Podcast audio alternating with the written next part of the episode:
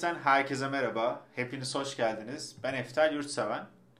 Bugün Apple tarafından duyurulan ve son kullanıcıların bazılarını çok heyecanlandıran ama bazılarını da bu ürün hiçbir işe yaramaz dediği yeni bir üründen bahsedeceğim. Bugünün konusu Vision Pro.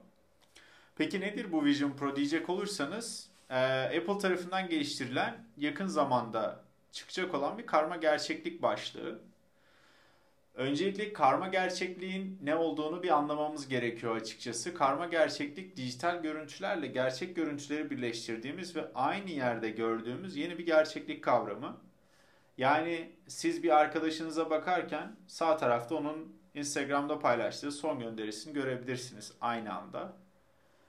Ee, buna biz karma gerçeklik diyoruz.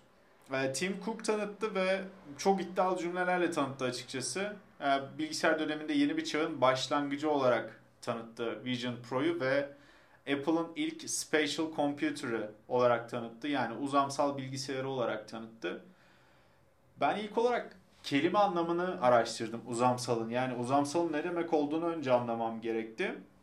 Uzamsal cisimlerin ya da canlı varlıkların yani herhangi bir nesnenin ya da canlının başta hacim ağırlık olmak üzere tüm nicelik özelliklerine uzamsal diyoruz. Yani en boy, yükseklik, ağırlık, kütle, hacim vesaire gibi şeylerin tamamına biz uzamsal diyoruz. Uzamsal bilgi işleme baktığımda ise çok da yeni bir kavram olmadığını gördüm. 2003'te Simon Greenberg tarafından tanımlanmış ve şöyle diyor. Makinenin gerçek nesnelere ve alanlara yönelik referanslar tuttuğu ve manipüle ettiği bir makine insan etkileşimidir diyor. Yani makinenin insanların ya da cansız varlıkların yerini tuttuğu ve buna etkileşim veren bir yeni makine insan etkileşimi. Bunu MIT'de bir tezinde yayınlamış 2003'te Simon Greenwald. Yani aslında elimizi ekran üstünde hareket ettirerek aldığımız bir screenshot ya da avucumuzu açıp kapattığımızda çektiğimiz bir selfie aslında uzamsal bilgi işleme ya da uzamsal computing'e birer örnek diyebiliriz. Ee, onun dışında Vision Pro'nun birkaç özelliğinden bahsedeceğim ama yani e, teknoloji editörü gibi tüm özelliklerini de bahsetmek istemiyorum. Çünkü konumuz bunun Web3 teknolojilerine ve Metaverse'e nasıl katkı sağlayacağı ya da sağlamayacağı. Vision Pro'nun en önemli özelliklerinden biri Infinite Canvas'la geliyor. Yani aslında baktığınız her yer bir widget alanına dönüşebiliyor. Nasıl iPhone'unuzda ya da iPad'inizde ana ekranınızı istediğiniz gibi düzenleyebiliyorsanız bir tarafa Notion'ı, bir tarafa hava durumunu, sonrasında uygulamaları görüp en alt kısımda da anımsatıcıları görüyorsanız aynı şekilde Vision Pro'da baktığınız yerlerde widgetler yerleştirebiliyor oluyorsunuz. Onun dışında R1 dedikleri bu eye tracking özelliğiyle geliyor. Yani sizin göz hareketlerinizi algılayarak aslında deneyimi müthiş artıran özelliklerin olduğunu iddia ediyor Apple. Ee, siz gözünüzün hareketleriyle direkt ekranlar arasında geçişi yapabileceksiniz. Ya da elinizin hareket ettirdiğiniz vakit Apple'ın sensörleriyle birlikte sizin hangi hareketi yapacağınızı önden tahmin ederek aslında o hareketi daha kolay şekilde yapmanızı sağlayacak sensörlere sahip. Ee, Tim Cook şöyle dedi. Uzamsal computing'de low latency sağlayabilmek için yani bu el hareketleri ve göz hareketlerinin tepkimelerini çok hızlı verebilmek için güçlü bir operating sistemle de geldiğini söyledi. Bunun da adı Vision OS. Bildiğiniz gibi Apple zaten 10 yıllardır işletim sistemi geliştiren bir firma ve macOS, iOS, iPadOS gibi birçok başarılı işletim sistemi de var buradaki mekan, mekansal bilgi işlemdeki düşük gecikmeden dolayı da biraz önce söylediğim gibi Vision OS'e ihtiyaç duyduklarını söyledi.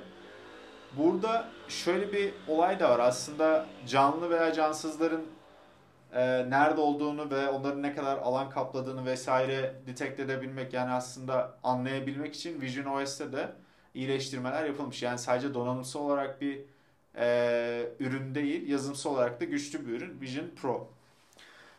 Peki asıl konumuz e, Vision Pro Metaverse'leri canlandıracak mı ya da öldürecek mi ya da herhangi bir şekilde Metaverse kapsamında değil blockchain'e bir etkisi olacak mı Vision Pro'nun? Bu da bir merak konusu. Açıkçası ben WWDC'yi e, izlerken herhangi bir şekilde Apple Metaverse kavramından bahsetmedi. Yani hiç bunun Metaverse olduğundan e, bahsetmedi. Direkt olarak karma gerçeklik başlığı olarak tanıttı. E, ya da herhangi bir şekilde NFT ya da dijital aset gibi şeyler kullanmadı. Kendi kelimeleriyle tanıttı. Aslında yeniden bir oyun kuruluyor diyebiliriz Metaverse tarafında. Ne kadar Meta'nın Cast Pro ya da e, Sandbox gibi Metaverse'ler şu an aktif olsa ve biz bunu Metaverse olarak adlandırsak da Apple kendisi Metaverse kavramını kullanmak istemedi ki bambaşka bir yere konumlandırmak istiyor ve oyunun kurallarını yeniden yazmak istiyor gibi hissediyorum ben.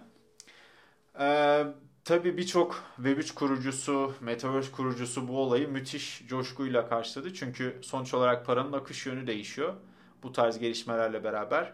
3 trilyon dolarlık bir firmadan bahsediyoruz. Apple'dan bahsediyoruz ve karma gerçeklik gözlüğüne yatırım yaptı ve Metaverse'leri de tabii ki iyi olacağını tahmin ederek e, yatırımcıların da göz bebeği olan startuplar Metaverse startuplar oldu. E, konuyla alakalı BDE Ventures kurucusu Brian Evans bu ürünle Apple son kullanıcılar ve Metaverse arasında bir adaptasyon köprüsü kuruyor diyor.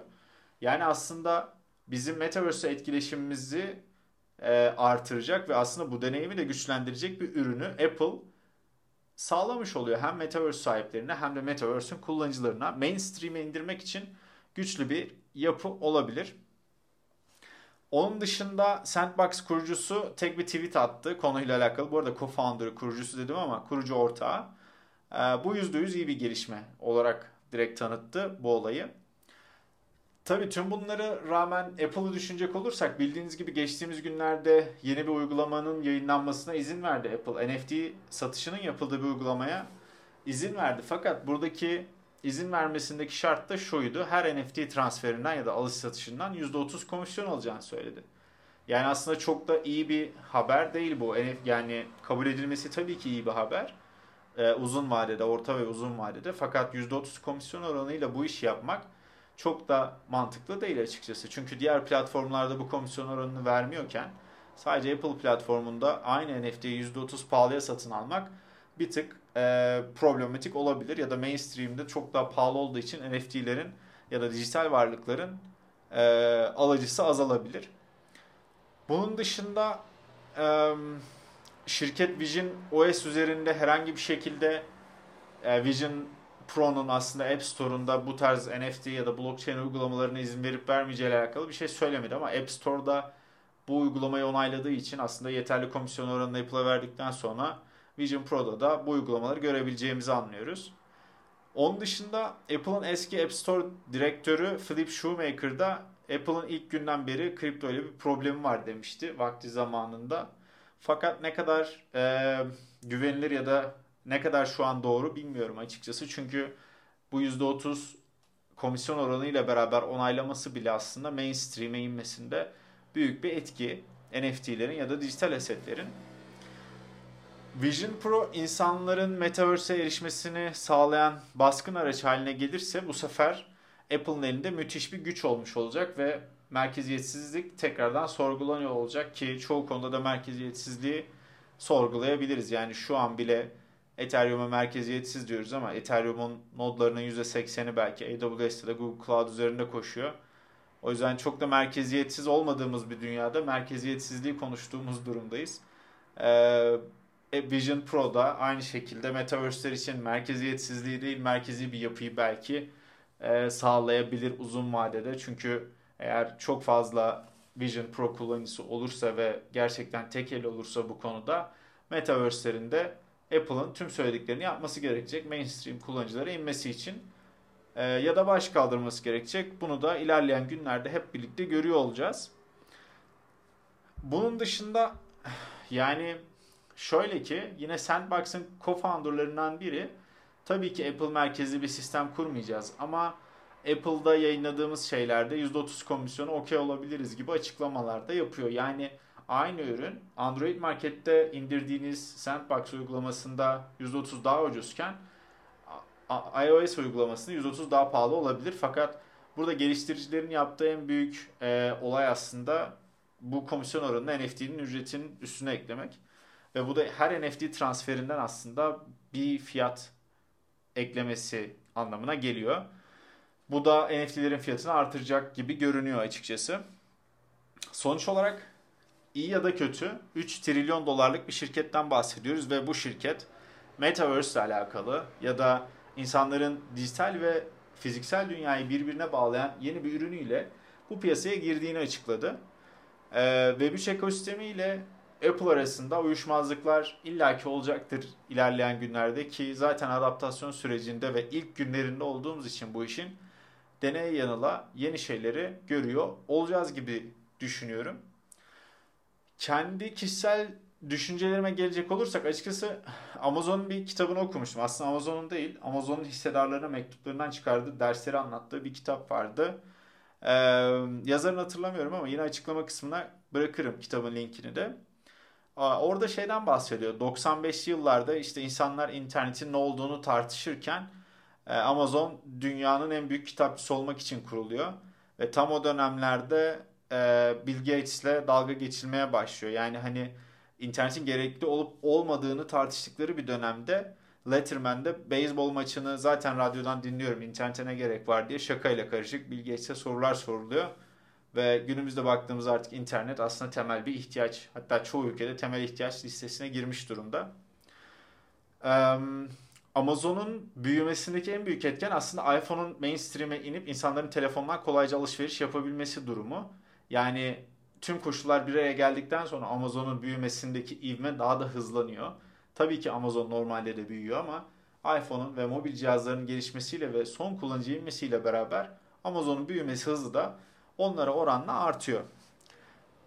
Ee, şu an düşünecek olursak internet 40 sene öncesinde bir insanın hayal edemeyeceği kadar iyi bir durumda ve e, hem sosyallik hem de bilgiyi bizim erişimimize sundu ve biraz da buralardan toparlayıp düşünecek olursak da son 5 ya da 6 yıldır artık telefonlarda büyük bir gelişme olduğunu göremiyoruz ya da mobil cihazlarımızda büyük bir gelişme olduğunu göremiyoruz. Hatta internette iPhone üzerinde 800 tane böyle kamera olan mimleri de siz de görmüşsünüzdür. Artık makine insan etkileşimi dediğimiz şeyin daha farklı bir boyuta geçmesi gerektiğini düşünüyorum. Ee, ya da böyle bir ihtiyacın varlığını düşünüyorum.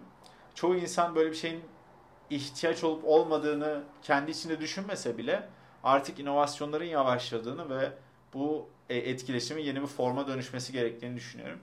Bu tabii ki illa Vision Pro ile olmak zorunda değil. Herhangi bir şekilde farklı bir yönde de bu olay gerçekleşebilir. İlla gözlük olacak ya da illa başka bir cihaz olacak diye bir şey yok. Ama makine insan etkileşiminin yeni bir forma geçmesi gerektiğini ben de kişisel olarak düşünüyorum. Bilgisayar insan etkileşiminin daha iyi bir formda olacağını ben düşünüyorum. Beni dinlediğiniz için çok teşekkür ederim. Umarım keyifli bir bölüm olmuştur. Bizi et 30 podcast yazıyla bu arada et 30 podcast kullanıcı adıyla Twitter ve Instagram'dan takip edebilirsiniz. Diğer bölümlerde görüşmek üzere.